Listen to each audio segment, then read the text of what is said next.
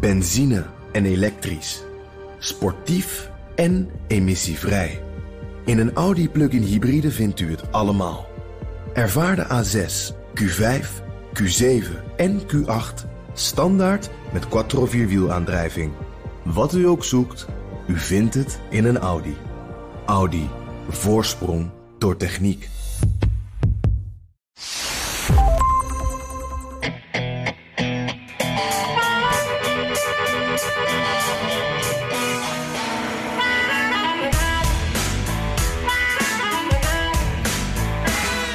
De week van de middelvinger. Amerikaanse jongeren staken die massaal op tegen de coronamaatregelen. De zuidelijke staten tegen hun racistische verleden. Joe Biden doet het tegen Donald Trump. En Vladimir Poetin tegen de Amerikaanse troepen in Afghanistan. Dit is aflevering 31 van de Amerika-podcast. Eén dagje later dan normaal. Dat komt door de drukte aan deze kant van de oceaan. Dus nee, Juri, de koffie is niet op. Dank ook voor alle andere berichtjes. Het was jullie duidelijk opgevallen. Dat doet ons deugd. Mijn naam is Jan Posma aan de keukentafel in Washington met een verse Hollands sterke bak koffie. En ik ben Bernard Hammelburg in New York, terug in mijn kantoortje daar met uh, laptop, microfoon en een kartonnen beter, beker Starbucks. Die heb ik net opgehaald samen met de kranten, want de kiosk is hier open. Heel opmerkelijk. Um, en ik zit dus heerlijk weer op kantoor met uitzicht over Manhattan. Uh, en in het, op het verste puntje zo ongeveer aan de horizon het uh, nieuwe World Trade Center. Ja. Dus heerlijk. Ja, ik, ik hoor het ook aan je, Bernard. Dit is, uh, dit is thuiskomen. Je bent er weer. Het is gelukt. Ja, ja. en het is natuurlijk allemaal een beetje stil nog uh, hier in New York door de corona. Maar ik moet zeggen, ik, ik vind de mensen ontzettend aardig, elegant, vriendelijk tegen elkaar. Iedereen braaf met, een, met zo'n monddoekje op. Ze houden allemaal rekening. Uh, houden afstand. Uh, het is lastig, uh, nog een beetje. Uh, winkels gaan langzaam open, maar gouverneur Cuomo is toch een beetje op de rem gaan staan. En burgemeester de Blasio ook door alle ellende elders in Amerika. Ze zeggen, jongens, laten we even uitkijken. Terrassen zijn open. Ehm, maar die, die, die Starbucks van zojuist, die moest ik, net als jij zo vaak al hebt beschreven... aan de deur van Starbucks ophalen. Ja. Mag nog niet naar binnen. Ja. En, en hoe gaat het in Washington, Jan? Ja, het, het, is, het lijkt er eigenlijk wel een beetje op. Uh, winkels blijven hier ook een beetje. Die blijven eigenlijk uit zichzelf nog een beetje dicht. Die mogen wel weer open uh, onder uh, bepaalde voorwaarden. Maar je ziet dan dat niet veel dat nog doen. En, en die wel open zijn, daar is het nog niet echt druk. Dus het gaat echt veel, heel voorzichtig. Je ziet veel mondkapjes ook nog op straat. viel me wel op trouwens, het verschilt heel erg per gebied. Want daar komen we zo nog wel even toe. Maar ik, ik was gisteren eventjes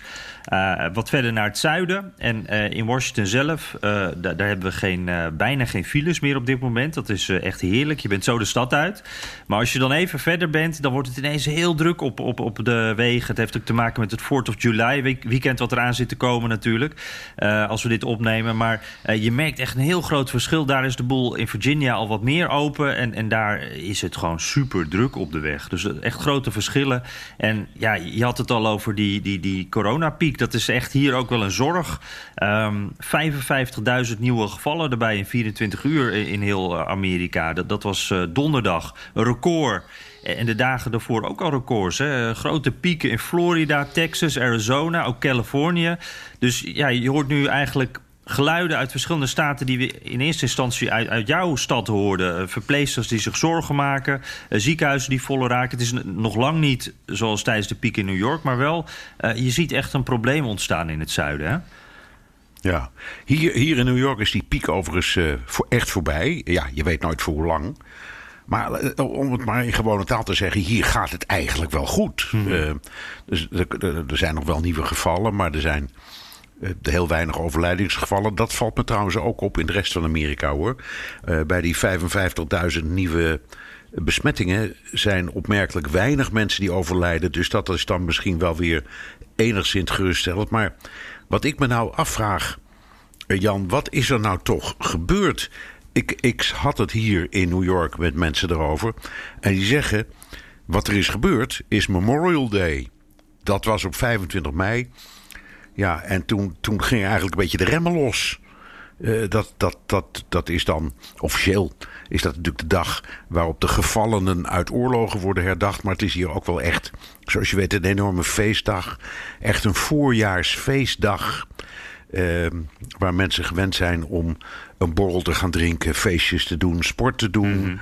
Mm dus bars en restaurants, die, die liepen gewoon weer helemaal vol. En ja, je zag toch collectief, ook, ook in opname, overal op de stranden, in bars en restaurants. Gewoon jongeren die echt collectief de middelvinger opstaken.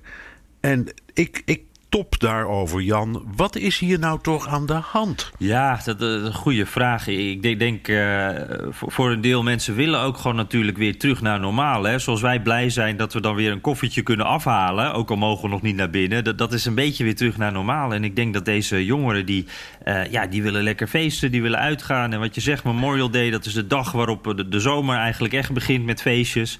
Um, en, en, ja, en ik denk ook wel, er zit ook wel een invloed van bepaalde politici bij, waarvan natuurlijk de zichtbaarste Trump is altijd. Uh, je ziet in verschillende delen van Amerika nog altijd uh, uh, gouverneurs, Trump zelf natuurlijk, die, die weigeren mondkapjes te dragen. Die laten merken dat dat eigenlijk maar suf is. En ja, op, op veel plekken is een mondkapje een politiek statement geworden. Je bent een sukkel als je er een draagt. En uh, dan ben je dus ook, zou je kunnen zeggen, een sukkel als je thuis blijft. Terwijl je ook lekker in de kroeg kan zitten.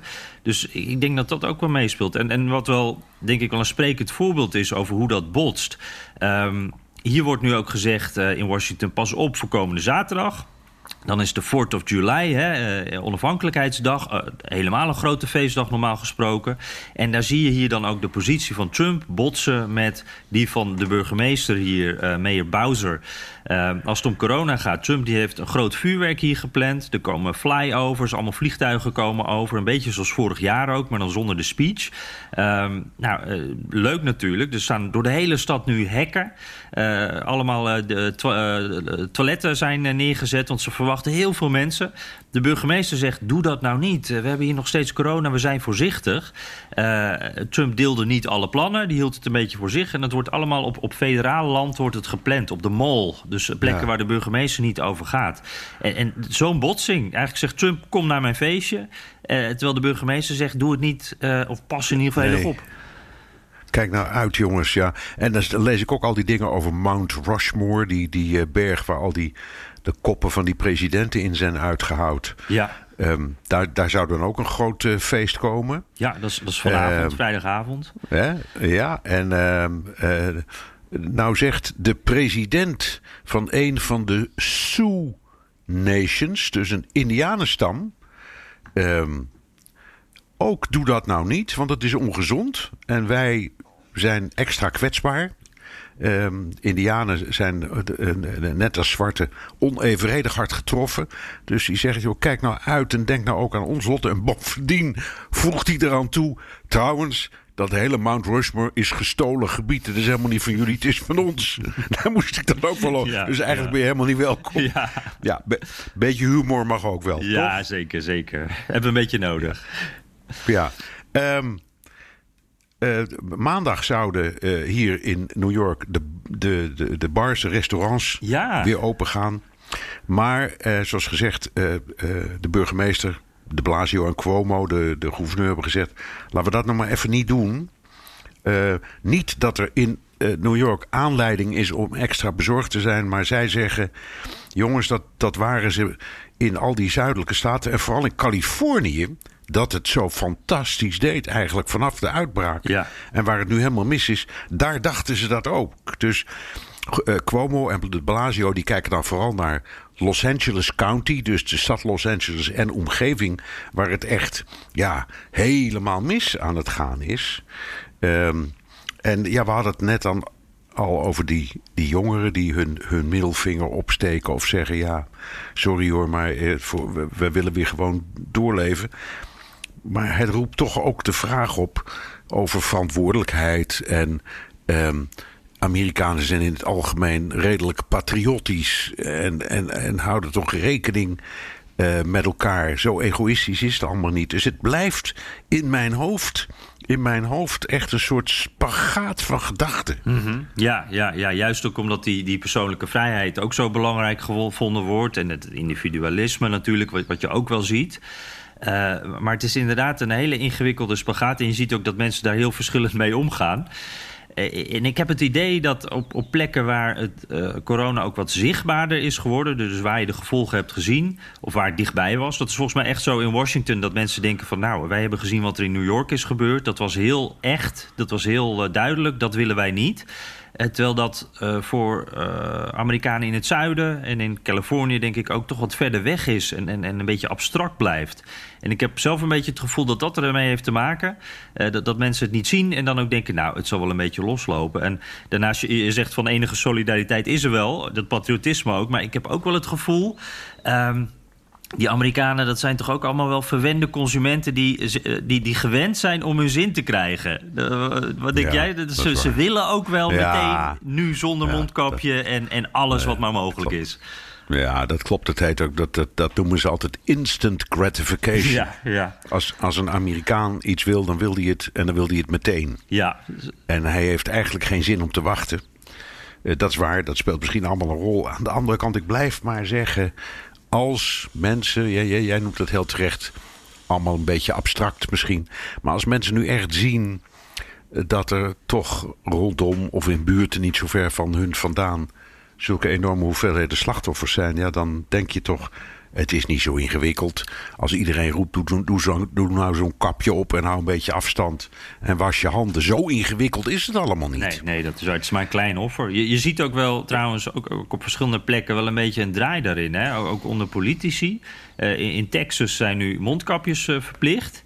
Eh, nou, die, die waren een paar maanden geleden, dachten die daar nog heel anders over. En, en eh, je ziet wel meer politici een beetje draaien op dit vlak. En, en ik heb wel het gevoel Ja. dat Trump daar steeds meer, een beetje alleen in komt te staan. Die heeft laatst wel grappend gezegd van... eh, oh, ik, een mondkapje vind ik niet erg. Ik, ik zie eruit als de Lone Ranger. Dat is eigenlijk best wel stoer. Eh, maar ondertussen, eh, ja, dat merk je ook bij die evenementen... waar we het net over hadden, zeggen ze dan van... nou, mondkapje hoeft niet hoor. Maar Trump staat er een beetje Nee, alleen eh, in, volgens mij. Ja, en hij heeft ook, dat was natuurlijk een verschrikkelijke opmerking, dat hij, dat hij zei: ehm, mensen die mondkapjes opdoen, dat, is eigenlijk, dat zijn eigenlijk mensen die tegen mij zijn. Dus hij ziet, hij ziet het als een, als, een, als, een, als een symbool van anti-Trumpisme. Ja. En dat is natuurlijk heel, heel vervelend. Overigens, ja, het is ook wel een beetje een heilige eh, dom geworden, hè, dat mondkapje. Want je weet bijvoorbeeld het RIVM in Nederland zegt steeds ja. ehm, het helpt misschien, maar helemaal zeker zijn we daar helemaal niet van. En ik, kijk, ik kijk rond, hè, nu hier in New York. We hebben hier om de hoek een terras dat weer open is. Dus eh, daar, daar hebben we een paar keer even een hapje gegeten en even gezeten. En dan kijk je naar alles wat er langskomt. En driekwart van de mensen heeft het mondkapje onder zijn neus. Nou, dan kan je het net zo goed afdoen. ja. ja, dat helpt dan helemaal niet. Nee. En, en een heleboel mensen die hangen hem aan een oor en doen hem dan weer op. Ja, Ja, dan kun je het ook net zo goed vergeten, want dan werkt hij niet meer. Ehm, dus eh, ze zitten vaak verkeerd. ja. Eh, je, je, je, je- nou ja, dat heeft dan allemaal gezien. Dus het is ook wel een beetje een symbool geworden. Aan de andere kant denk ik, mensen die zo'n ding opzetten, die zeggen daarmee ook: ik denk na.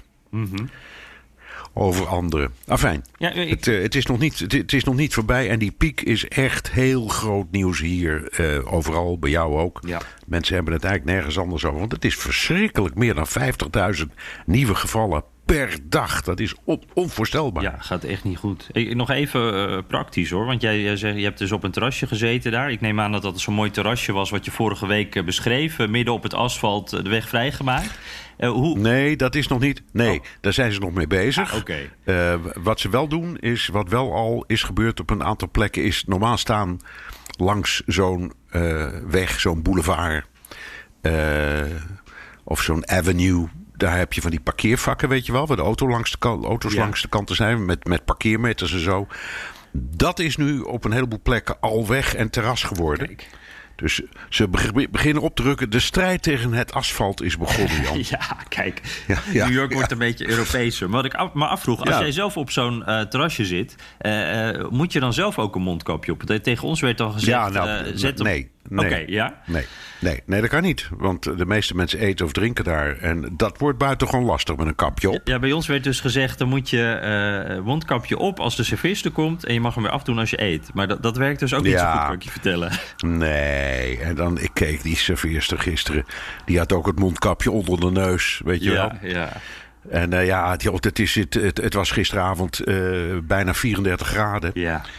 Dus eh, ja, je, ik, je, kan, Niet je te wil ook niet dat de se- serveerster voor onze, voor onze het oog door de knieën zakt van... eh vanuit, nee, dat wil je ook weer niet hebben.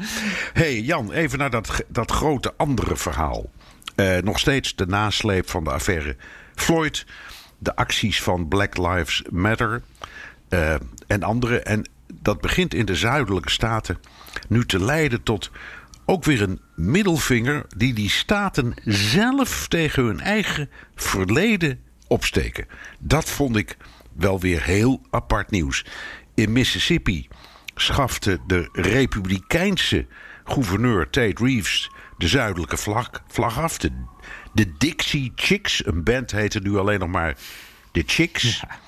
Eh, Jij reed, dat zei je straks al, eh, de denkbeeldige grens naar het zuiden over vanuit Washington. Dat noemen ze de Mason-Dixon Line.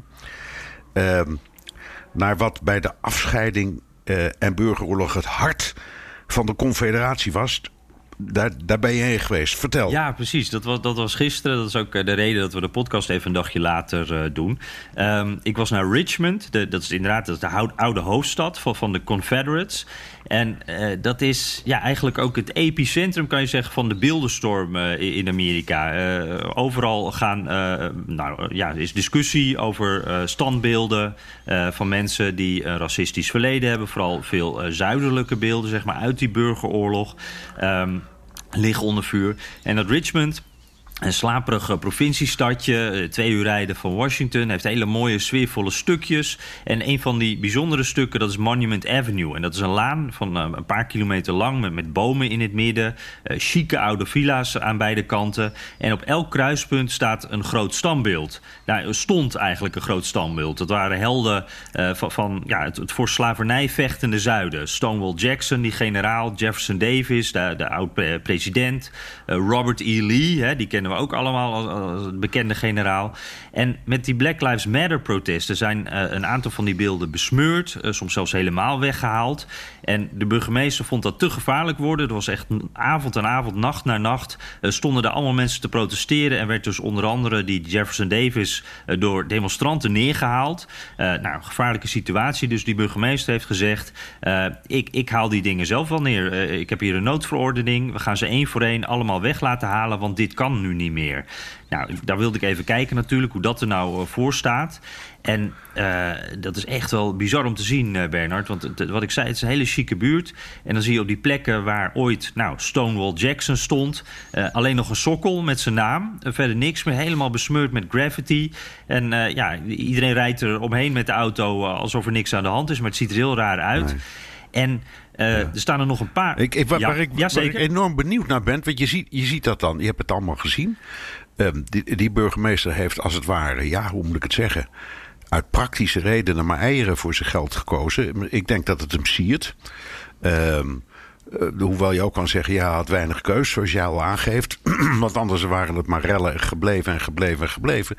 Maar je bent ongetwijfeld gaan praten met mensen daar. Dus hoe, hoe, hoe, vinden de mensen in Richmond dit nu allemaal? Ja, ja, ja. ja. Nou, daarvoor ben ik bij het beeld van eh, Robert E. Lee gaan staan. Dat is namelijk het, het, eh, eh, eigenlijk het, het meest prominente beeld dat nog overeind staat. Het is echt enorm hoog met hem op zijn paard. En, en dat is ook echt van top tot teen helemaal besmeurd met graffiti. Eh, kinderen klimmen daar nu op om, om ermee op de foto te gaan met, met de vuist omhoog, weet je wel.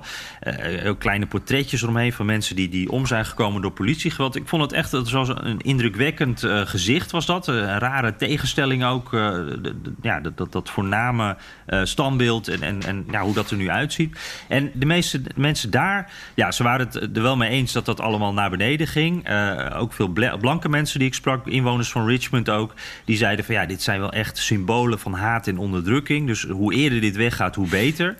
Uh, ik sprak ook iemand van uh, het Civil War Museum in Richmond. En die vertelde heel mooi over hoe die beelden na de uh, burgeroorlog zijn geplaatst. Als een soort ook van rouwverwerking. Voor die, zij waren natuurlijk de verliezende partij. Veel mensen verloren, was behoorlijk dramatisch. Ehm, maar, maar, dat die beelden ook zijn neergezet om de zwarte bevolking te laten zien. Wij zijn hier nog steeds de baas als blanken. Jij bent dan geen slaaf meer, maar wij zijn nog steeds de helden. Kijk maar, die beelden, die grote beelden. Wij zijn de baas. En zij vertelde ook hoe die mythe van de Lost Cause nog steeds veel invloed heeft. Het idee dat het zuiden heldhaftig vocht voor een goede zaak, voor hun soevereiniteit, hun eer. En dat het eigenlijk allemaal niet zo om slavernij draait. Terwijl slavernij natuurlijk uiteindelijk wel de reden is waarom ze die soevereiniteit wilden. Ze wilden als staten dat zelf behouden. Uh, en, en die hele economie was gebouwd op slaven. Dus dat, uh, dat was de ene kant. Um, maar uh, die wil ik je ook toch niet onthouden. Er was ook een man die ik sprak, vond ik echt heel mooi. James Shelton heet hij. Die, stond een beetje uit te puffen in de hitte, want het was daar behoorlijk warm. En um, die zei, ja, laat dit maar staan, dit beeld van Lee. Uh, ik ben een zwarte man uit het diepe zuiden. Ik ben dit soort plaatjes, dit soort symbolen wel gewend. En ik vind eigenlijk... Zolang je me niet racistisch bejegent, niet racistisch je, je, gedraagt... ja, die symbolen uit het verleden, die betekenen niks voor mij.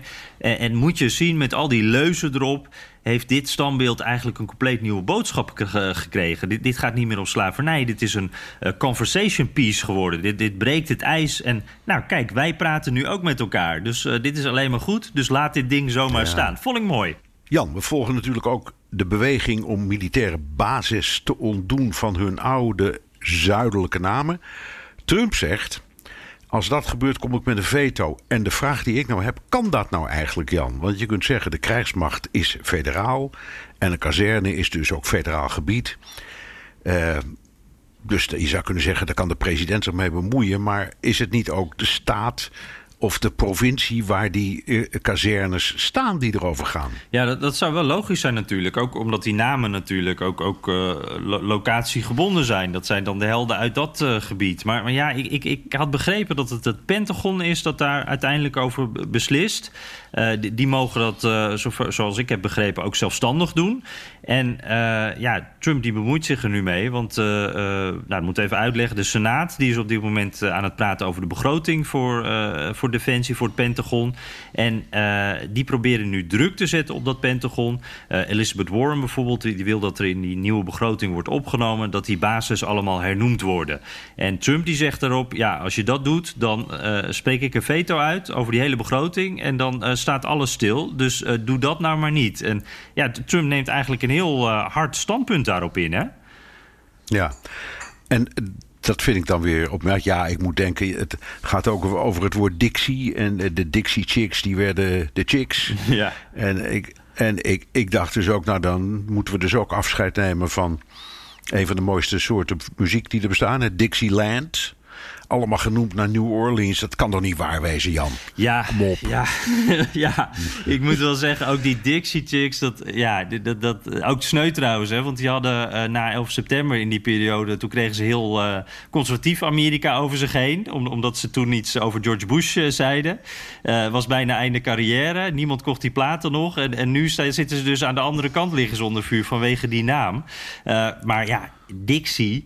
Uh, ik heb niet meteen dan de associatie met uh, slavernij. Het, het, het, het, is toch een beetje gek. Het, Dixie muziek, de, de, de, de New Orleans. Het, heeft veel meer voor mij een, een soort cultureel, uh, culturele betekenis... dan dat het echt iets ja. met iets naast te maken ja, dat heeft. Vind ik, ja, dat vind ik ook hoor. Is dit dan dat het punt waar het iets te ver gaat? Dat je kan zeggen, ja. die beelden, oké, okay, maar ja... ja. Nou ja, alles is oké. Okay. Mensen hebben het recht om te voelen wat ze voelen en te protesteren en daarover te praten. En, maar dit, dit, ja, dit, ik, dit overschrijdt voor mijn gevoel een grens. Mhm. Mm -hmm. En is trouwens nog iets uh, waar ik zit over pieken. We hadden het al heel even over. Maar het, het, het verhaal hier is dat als je kijkt naar de geschiedenis van de Republikeinen, die stonden op het punt, op, op, het, op dit gebied, aan de allerbeste kant in de geschiedenis. Um, Lincoln, um, die zou denk ik met die, met die beeldenstorm in het zuiden een gat in de lucht zijn gesprongen. Ja. Uh, wat waren, waren, het zijn zijn vijanden die daar allemaal omver worden getrokken. Mm -hmm. uh, dus waarom maakt een republikeinse president zich nou zo verschrikkelijk druk over symbolen van dat zuidelijke verleden? Is dat nou echt alleen maar omdat tegenwoordig dat zuiden republikeins stemt? Is het zo simpel, Jan? Ik, ik heb dat idee wel, ja. Daar zitten zijn stemmers. Uh, die Confederate flag is, is daar in het zuiden, uh, op het platteland... ook op veel plekken nog, nog echt een, een belangrijk symbool. Uh, op weg naar Richmond reed ik er nog langs eentje. echt een hele grote langs de snelweg. Dat, dat is toch altijd bijzonder apart ook. maar ja, ik heb het idee dat het daarom draait. Het draait om zijn achterban. En daarnaast, dit is ook weer strijd, hè. Dit is weer een klein oorlogje wat hij kan uitvechten. En en die verdeeldheid, die strijd, dat is ook altijd onderdeel van zijn appeal. Dus hij heeft ook graag een beetje frictie. En, en dat krijgt hij hier ook weer, weer mee. Dit is echt zo'n culture war onderwerp weer. En, ja. en ik trouwens, wat jij zei over Linken, vind ik ook wel heel interessant. Want uh, ik vraag me ook wel af. Jij zegt, zou die niet een gat in de lucht zijn gesprongen? Dit zijn zijn vijanden die nu uh, ja, omver worden ge geworpen. Maar ik denk ook niet, zou hij niet geschrokken zijn dat dat ruim 150 jaar na die oorlog uh, de staten nog steeds zo verdeeld zijn over dit soort dingen. En dat die, die beelden ja, dus nog steeds overeind stonden. Ja, daar, daar, heb je ook gelijk in. Het was, het was natuurlijk iemand die maar één ideaal had. En dat was dat land weer ja, onder, onder één gezag brengen. Hereniging, vereniging. Ja, Misschien wel. Hmm. We kunnen het hem niet meer vragen. Nee, nee, nee. nee. nee. Hey, nog, een, nog een middelvinger, uh, Jan. Ja. Die van Joe Biden. Ja. Uh, die ging de afgelopen uh, dagen of week tekeer en hoe? Tegen Trump. Uh, even mijn samenvatting. Uh, hij zet Trump gewoon neer als een kolossale loser met een grote mond. He called himself a wartime president. Remember when he extorted, ex exhorted the nation to sacrifice together and quote, in the face of this inevitable and invisible enemy. What happened? Now it's almost July, and it seems like our wartime president has surrendered, waved the right flag, what white flag, and left the battlefield. Zal nooit een begenadigd spreker worden, Jan, hè, die, uh, die, Biden. Maar ik vond hem voor zijn doen wel uh, behoorlijk fel. En hij bleef bovendien uh, goed deels onzichtbaar. Ja, ja. Ja, hij, hij, eh, ik, ik vond, hij kwam best wel goed over eigenlijk in die speech. Hè? Uh, je hoort hem hier ook wel weer even een beetje hakkelen. Dat, dat kwam daar ook wel weer voor. Dat, komt er niet helemaal goed uit. Maar het was wel voor zijn doen, was het, uh, stond hij er wel echt. Ik, ik, moest trouwens ook meteen wel even denken... daar kan beide ook niet zoveel aan doen... maar je hoort een beetje de leegte van de zaal... Komt natuurlijk door corona, waar Biden heel anders mee omgaat dan Trump. Maar dit klinkt uh, toch weer anders dan in Tulsa, hè, waar dat stadion van Trump dan niet helemaal vol zat, maar waar wel, wel juichende mensen waren. Dat, dat is toch, je weet hoe het zit, je weet waardoor het komt, maar het, is toch een beetje, ja, het voelt wat anders. Uh, maar, maar, maar, over die beiden, jij, jij, wees me op de column van Thomas Friedman in de New York Times, uh, wat weer een mooie was inderdaad. Die, die schreef, Trump heeft twee onzichtbare vijanden op dit moment, het coronavirus en Joe Biden. En, en ja, Biden is inderdaad, wat jij ook zei, nog steeds uh, behoorlijk onzichtbaar. Er zit echt wel wat in. En, en die Friedman die adviseert Biden om voorlopig ook onzichtbaar te blijven omdat Trump aan een soort, uh, ja, een soort, soort zelfvernietigingsmissie eigenlijk bezig is. Ja, laat het maar lekker gaan. En uh, he will self-destruct in 15 seconds of zo. ja. Zo'n zo, zo soort idee zit erachter. Nou is het natuurlijk... Uh, ja, Friedman is... Um, natuurlijk een uitgesproken, ik zou maar zeggen, linkse columnist. Ja, ja. Um, dus dus het, is ook, is ook weer een beetje een frame. En misschien is het ook een beetje wensdenken. Volgens mij, van Friedman. Uh, maar misschien zit er ook wel wat in hoor. Misschien uh, als je kijkt naar de peilingen. Als, we, als, je, als je ziet hoe, hoe, hoe goed Biden het doet vergeleken met, met Trump. Uh, hoe goed Biden het doet, hakkelend en al en weinig zichtbaar. Mm -hmm. Nou, misschien is het helemaal zo'n zo'n slechte tactiek niet. Wacht maar even rustig tot die, tot die strijd verder uh, zich ontwikkelt. Na de conventies en zo. En hou je koest. Dan gaat het lekker goed met je. Ja, precies. En, en dat wensdenken inderdaad, dat zit er wel vaak in bij, bij Friedman. Maar wat, wat hij zegt, uh, eigenlijk, eigenlijk, zegt hij... La, laat Trump maar de risico's lopen. Dat, dat coronavirus, we weten daar ook heel veel niet van.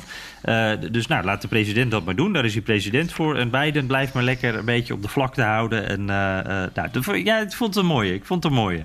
en, en we hadden ook een, een luisteraarsvraag trouwens... die daar wel mooi op aansluit. Van Jan Hen Hendrik Olden Oldenhaven. Trouwens, die fietste ooit van oost naar west in de VS. Ik ben benieuwd of dat echt van de oost naar de westkust is. Uh, respect dan. Uh, heel gaaf. Zo, hè? Ja dat, ja. dat is nog eens een reis. dat is met de auto al lang. maar goed, ik, ik vat hem even kort samen. Is het niet tactiek van Joe Biden dat je hem zo weinig hoort? Met corona is het allemaal enorm onvoorspelbaar. Dus dan zou het slim kunnen zijn om Trump fouten te laten maken. En dan voor de verkiezingen jezelf te presenteren als het verstandige alternatief. Dus dat sluit eigenlijk ook een beetje aan bij wat Friedman zegt. En ik moet zeggen, ja, nou, wat wij net al concludeerden, daar zit echt wel wat in. En op dit moment luistert er toch niemand naar Biden, want hij is nou eenmaal niet de president. Maar ik, wat voor mij echt de, de belangrijkste vraag daarbij blijft: kan Biden straks bijschakelen als hij wel die aandacht wil? En als hij dus ja. kan hij zomaar dat knopje omzetten. En ik vraag hem af. Ja, dat, precies. Dat is, en dat blijft het moeilijke punt. Daar hebben we het vorige keer ook al over gehad. Kijk, hij kan zeggen. Uh, niemand, dat kan ik het anders zeggen. Niemand kan Trump verwijten dat er een virus is. En hij moet dus uitkijken. Het enige wat hij kan doen is. Ik had het wat anders aangepakt. Ik had strenger toegezien. Ik had meer leiding gegeven vanuit de federale overheid. Uh, en het niet allemaal maar overgelaten aan lokale burgemeesters. Dan gaan ze maar door. Maar dat is een beetje langs de zijlijn. Uh, uiteindelijk gaat het om de vraag wie van deze twee kan in de ogen van de kiezer de economie beter redden uit het uh, gigantische ravijn waar ze in terecht zijn gekomen? Mm -hmm. Dat wordt de vraag. Uh, en als ja, de, de, de cijfers de afgelopen dagen waren helemaal niet slecht. Uh, enorme banengroei, plotseling had niemand op gerekend. Uh, bedrijven die weer open gaan. Dus als het die kant een beetje blijft uitgaan, dan wordt het voor Biden toch een lastige wedstrijd. Ja, ja. Als dat niet zo is, hè, dan heeft hij misschien een grote kans. Maar ik heb het vorige keer ook al gezegd. Stel je nou voor, je bent een doodgewone kiezer uit het, van het platteland. Je volgt al die, al die kleine dingetjes niet zo precies. En wat Trump nou zegt en wat Biden nou zegt. Maar je ziet die twee mannen op een toneel staan. En dan heb je maar één vraag: wie van deze twee. Um, haalt mij uit de economische malaise. Wie kan dat beter mm -hmm. van de twee? En ik blijf zeggen dat heel veel gewone kiezers dan zullen denken: ja, die Trump is een rare man. Uh, maar ik denk dat hij dat met zijn grote mond toch net even wat beter kan dan Biden. Dat is steeds het gevoel wat ik heb. Mm -hmm. Ja, en, en als dat natuurlijk dat beeld, dat economische beeld ook wel een beetje die kant op gaat als de boel herstelt, ja, dan, dan heeft Trump eigenlijk al half zijn verhaal klaar. Hè? Dan uh, wordt het een heel ja. andere strijd. Nou, Ondanks de peilingen, ja. Ja, precies. Nou, Jan-Hendrik Oldenhaven, dank je wel voor die vraag. Um, Laten we eens even naar een heel ander soort middelvinger gaan, Bernard. Poetin tegen de Amerikaanse troepen in Afghanistan. Uh, de Taliban soort, ja, premies beloven om Amerikanen te doden. De, de, de CIA uh, weet het al zeker sinds, uh, nou, ik geloof al een half jaar. Hè? Trump zegt, voor mij is het allemaal nieuw. Ik wist helemaal voor niets. En eigenlijk, het is ook niet zo'n groot verhaal. Want dit is echt jouw nee. territorium. Hè? We gaan nu even... Ja, en, nou ja, ik, ik geloof in dit geval Trump. Um, ik geloof het hele verhaal trouwens ook wel. Er is ongetwijfeld geld naar de Taliban gestroomd om aanvallen te doen op de Amerikanen. Je kunt, als je uh, gewoon even kijkt naar de, de, de, feiten zoals ze hebben afgespeeld de laatste tijd, het ook zien. Er is al in januari of februari een akkoord getekend door Amerika en de Taliban om tot een vredesregeling te komen. Heel apart, buiten de Afghaanse regering om, wat krankzinnig is, maar het is gebeurd. En daarna is er een hele serie aanvallen geweest van de Taliban op Amerikaanse troepen en hun bondgenoten. En heel veel mensen die vroegen zich af: wat is hier nou toch aan de hand? We hadden toch afgesproken dat het over was. En als je dit verhaal nu hoort, dan denk je: nou, ze hebben gewoon betaald gekregen om te blijven doorvechten. Daar komt het op neer. Mm -hmm. En dan even terug. Um, je weet, ik ben daar zelf wel eens geweest en ik heb daar ook onderzoek naar gedaan. Er bestaat in, in, nou ja, in Afghanistan het begrip 10 dollar Taliban. Dat, dat klinkt zeer denigerend, maar dat betekent als je uh, iemand uit een dorpje daar een tientje in zijn hand drukt en zegt: Je moet nu voor de Taliban vechten, dan doet hij dat. Hm. Uh, uh, want hij heeft weinig te verliezen. En, en een Afghaan zal heel snel denken: ja, wie wordt uiteindelijk de winnaar hier? Dat is veel belangrijker dan hoe liggen de verhoudingen. De Amerikanen kregen dat in 2009, 10, 11, 12, die kant uit door. En die draaiden het om en die boden dan of een tientje of nog meer, 20 dollar. En dan vochten die mensen plotseling aan Amerikaanse of aan geallieerde kant. Uh, en de Amerikanen hebben heel grootschalig toen ook mensen, ik zal maar zeggen, gekocht Op precies dezelfde manier. Uh, dus ik, ik geloof best dat het kan. De enige vraag is: wat is nu het belang van Poetin om dat te doen? En dat is gewoon onrust. Verdeeldheid. Uh, verdeeldheid, ja. Dus, dus hij heeft er belang bij dat, het daar blijft rommelen. De Amerikanen willen er weg. Uh, en Poetin denkt: ja, zolang ik ze daar blijf bezighouden dan, dan blijft de verdeeldheid groter en is dat uiteindelijk ook gunstig voor mij. Dus ik denk dat dat zijn verhaal is. En dan, wat weet Trump en wat wist de president en wanneer wist hij het? In dit geval denk ik dat de diensten heel bewust die zaak gewoon voor Trump uh, verborgen hebben gehouden. Uh, in de eerste plaats was het in hun ogen ook weer niet zo belangrijk, want die dingen gebeuren daar nu eenmaal. En de manier waarop de New York Times en de Washington Post het verhaal hebben gebracht, was alsof het helemaal is opgezet met de bedoeling de president erbuiten te houden. Daar geloof ik allemaal niet zoveel van. Er bestaat iets dat heet plausible deniability. Dus soms besluiten de adviseurs van de president heel bewust om hem iets niet te vertellen. Zodat als het ooit ter sprake komt, hij maar naar eer en geweten kan zeggen: Jongens, ik weet helemaal nergens van. En ik denk dat dat nu is gebeurd. Hmm. Ik heb hier een paar vragen bij, Bernard. De, de eerste. Um, jij vertelt het heel nuchter van dit, dit gebeurt. Dit is eigenlijk iets van alle tijden. Het gebeurt aan beide kanten. Dat, uh, dat betalen van premies. Um, maar uh, tegelijkertijd, uh, dit is, je kan ook zeggen, dit is een, soort proxyoorlog geworden. Die Russen die, die, die ja, vechten nu indirect uh, daar tegen de Amerikanen. Dat, dat heeft levens gekost. Dat is toch wel nog steeds iets heel ernstigs? Of zie ik dit, maak ik het nu te groot? Nee, nee, nee, nee. dat is ook wel heel ernstig. aan de andere kant, ja, het is nooit anders geweest. En draait nou zo om, Jan. Eh, de Taliban is de erfopvolger van iets dat heette de Mujahedin. Mhm.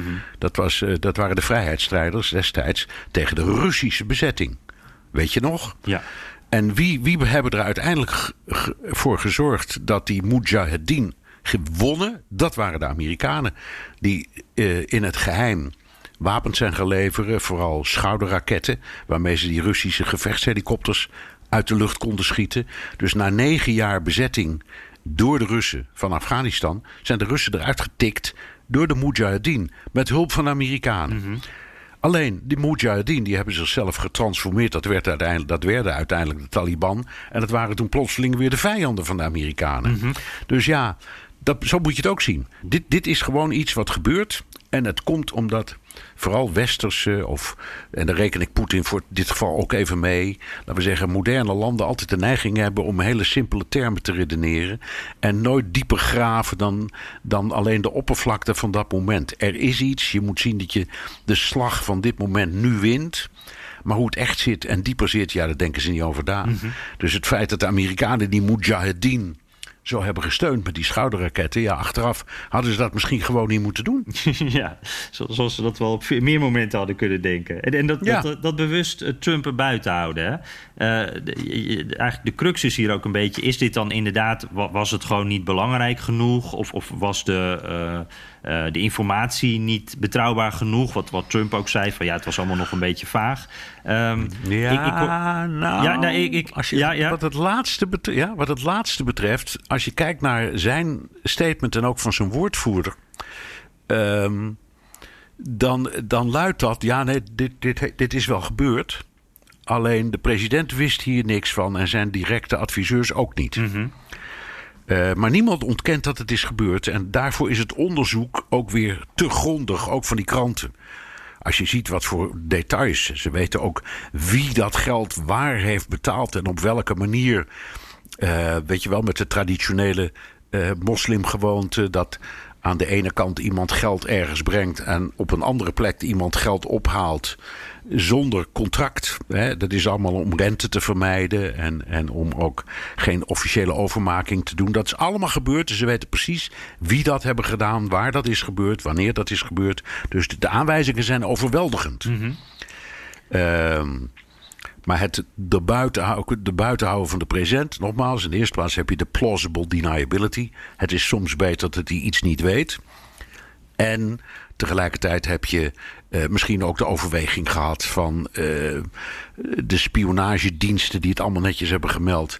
Dat hun superieuren dachten: ach ja, dat gaat zo. Zo belangrijk is het allemaal ook weer niet. We weten hoe het is, we hebben het in de tang, we kunnen het tegengaan. Mm -hmm. Dat soort dingen. Ja, ja, ja, dus het is, het is een schandaal geworden, omdat het zo gedetailleerd in de kranten kwam. Maar uh, als we het nu een beetje zo concluderen, zie jij dit dan als een.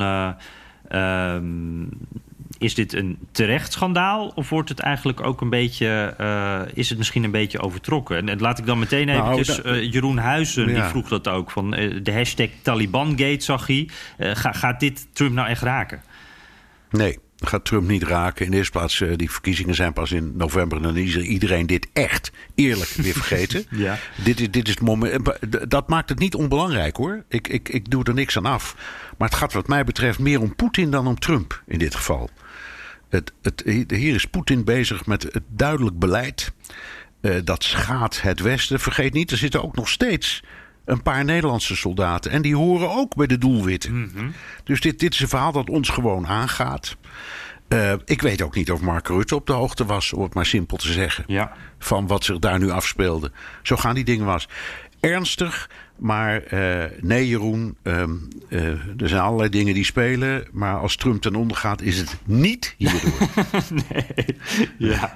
ja. Ondanks ja. al die boze democraten die zeggen... wij, uh, wij zijn heel argwanend omdat hij weer Poetin uit de wind houdt. Maar goed, daar komen we ook vast nog wel een keer ja, op terug. dat is waar. Dat is opmerkelijk. Dat is waar. Hij blijft hem uit de wind houden. En dat is, maar goed, dat doet hij. En ook dat wordt hem, denk ik, uiteindelijk... Dat is in de afrekening, als je de verkiezingen zo mag noemen... niet de belangrijkste factor, nee. naar mijn idee. Ja.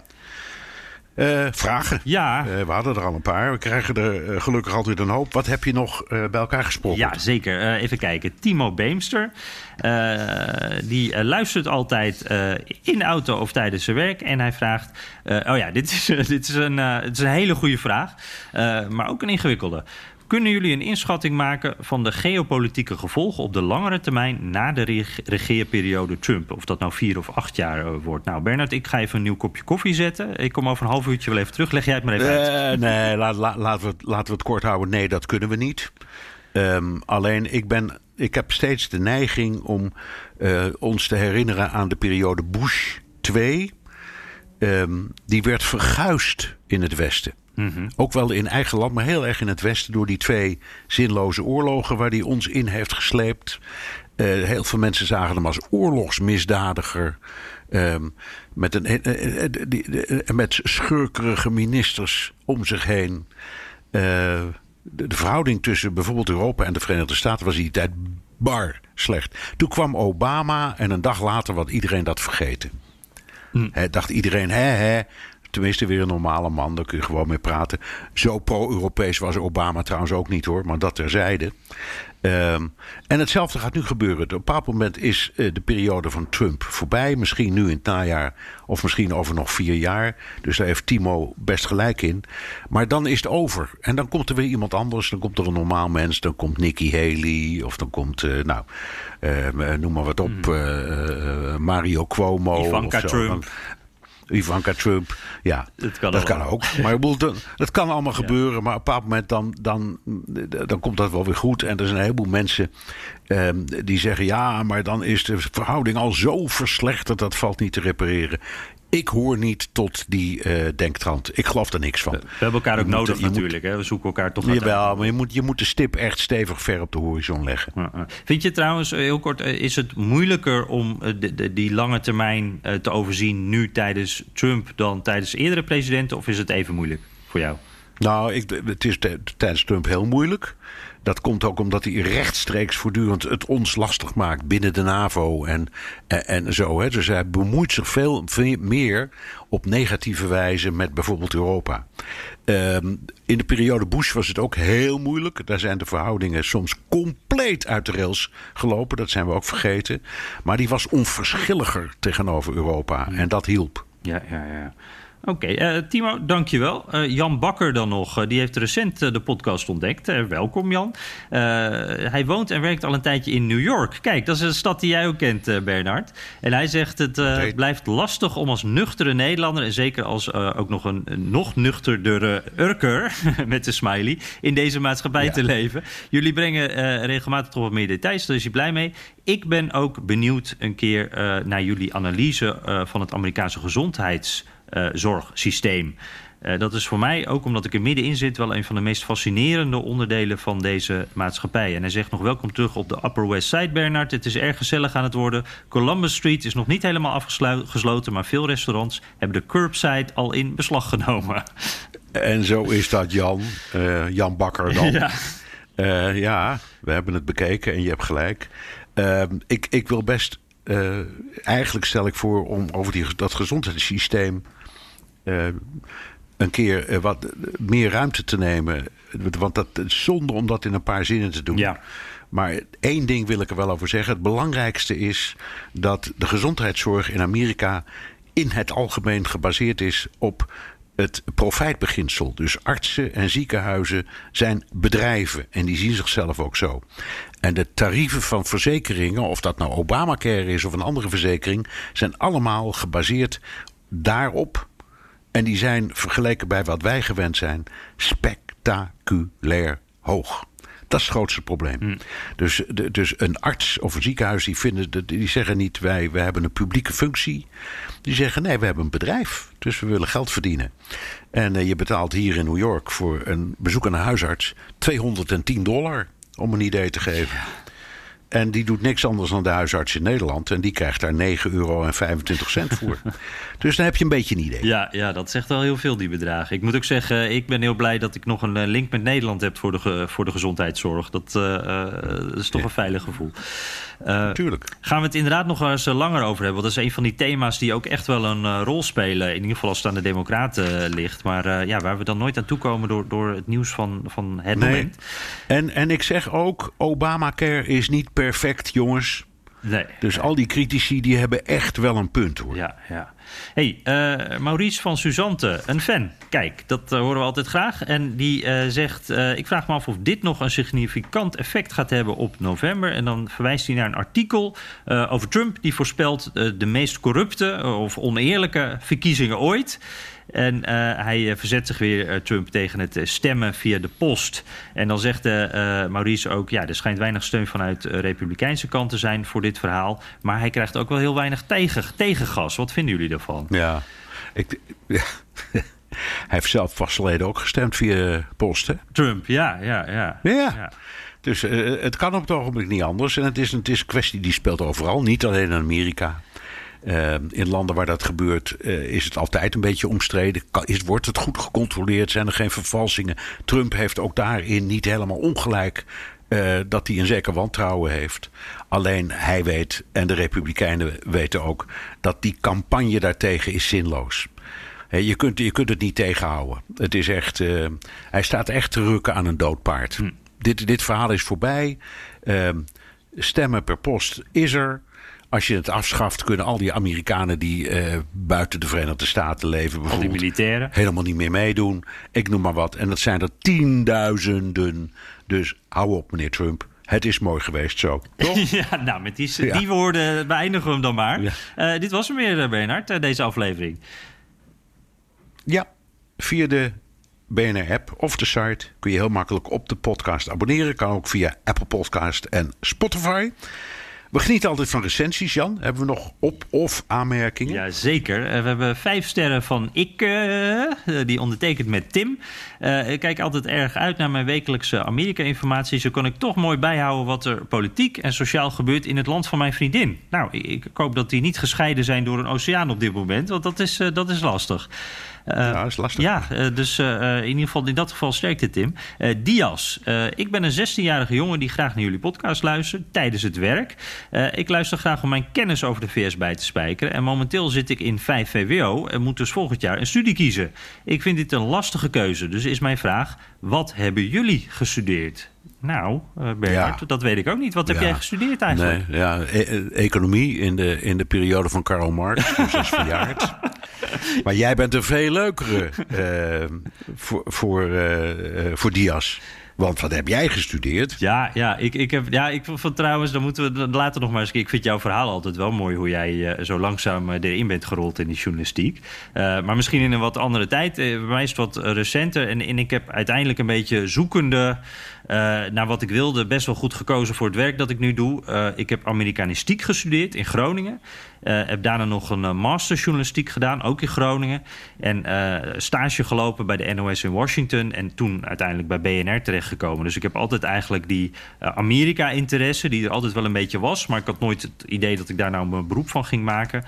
gecombineerd met journalistiek. En altijd ook veel dingen ernaast gedaan. Ook een beetje om erachter te komen wat ik leuk vond. Of journalistiek echt iets voor mij was. En mocht je daarover uh, twijfelen, Dias, dan zou ik dat ook zeker doen. Of dat nou de schoolkrant is of wat anders. Of, uh, uh, want dat is de manier, was in ieder geval voor mij de manier om erachter te komen. Yep.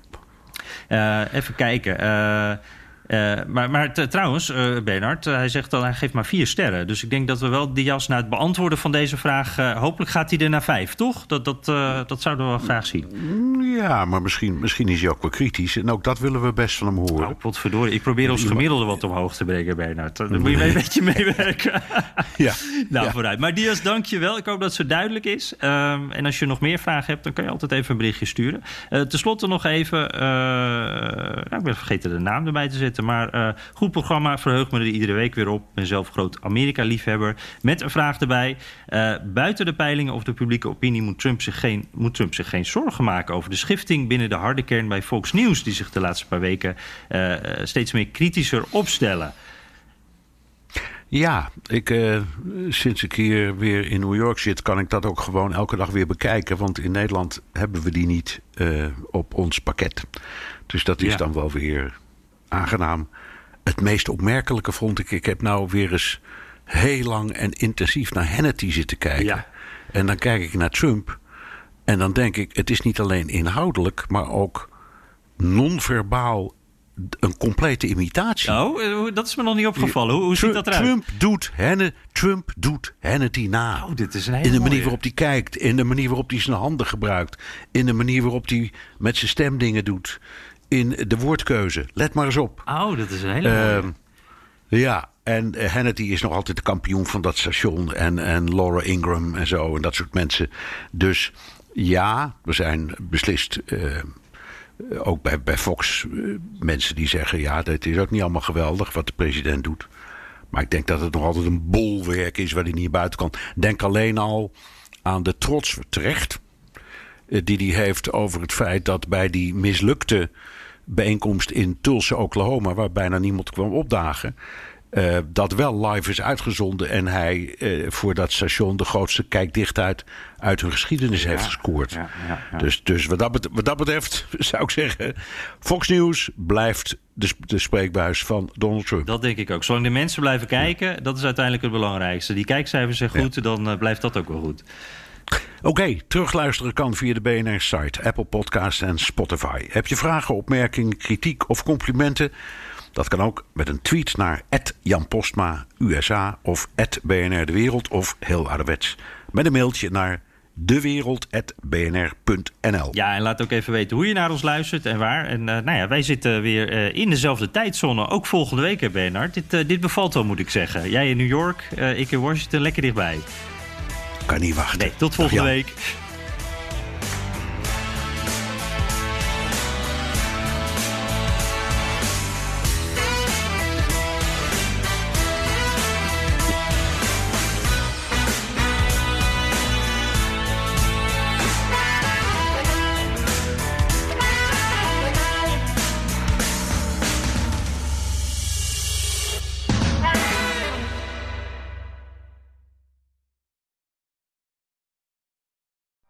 Benzine en elektrisch. Sportief en emissievrij. In een Audi plug-in hybride vindt u het allemaal. Ervaar de A6, Q5, Q7 en Q8 standaard met quattro vierwielaandrijving. Wat u ook zoekt, u vindt het in een Audi. Audi. Voorsprong door techniek.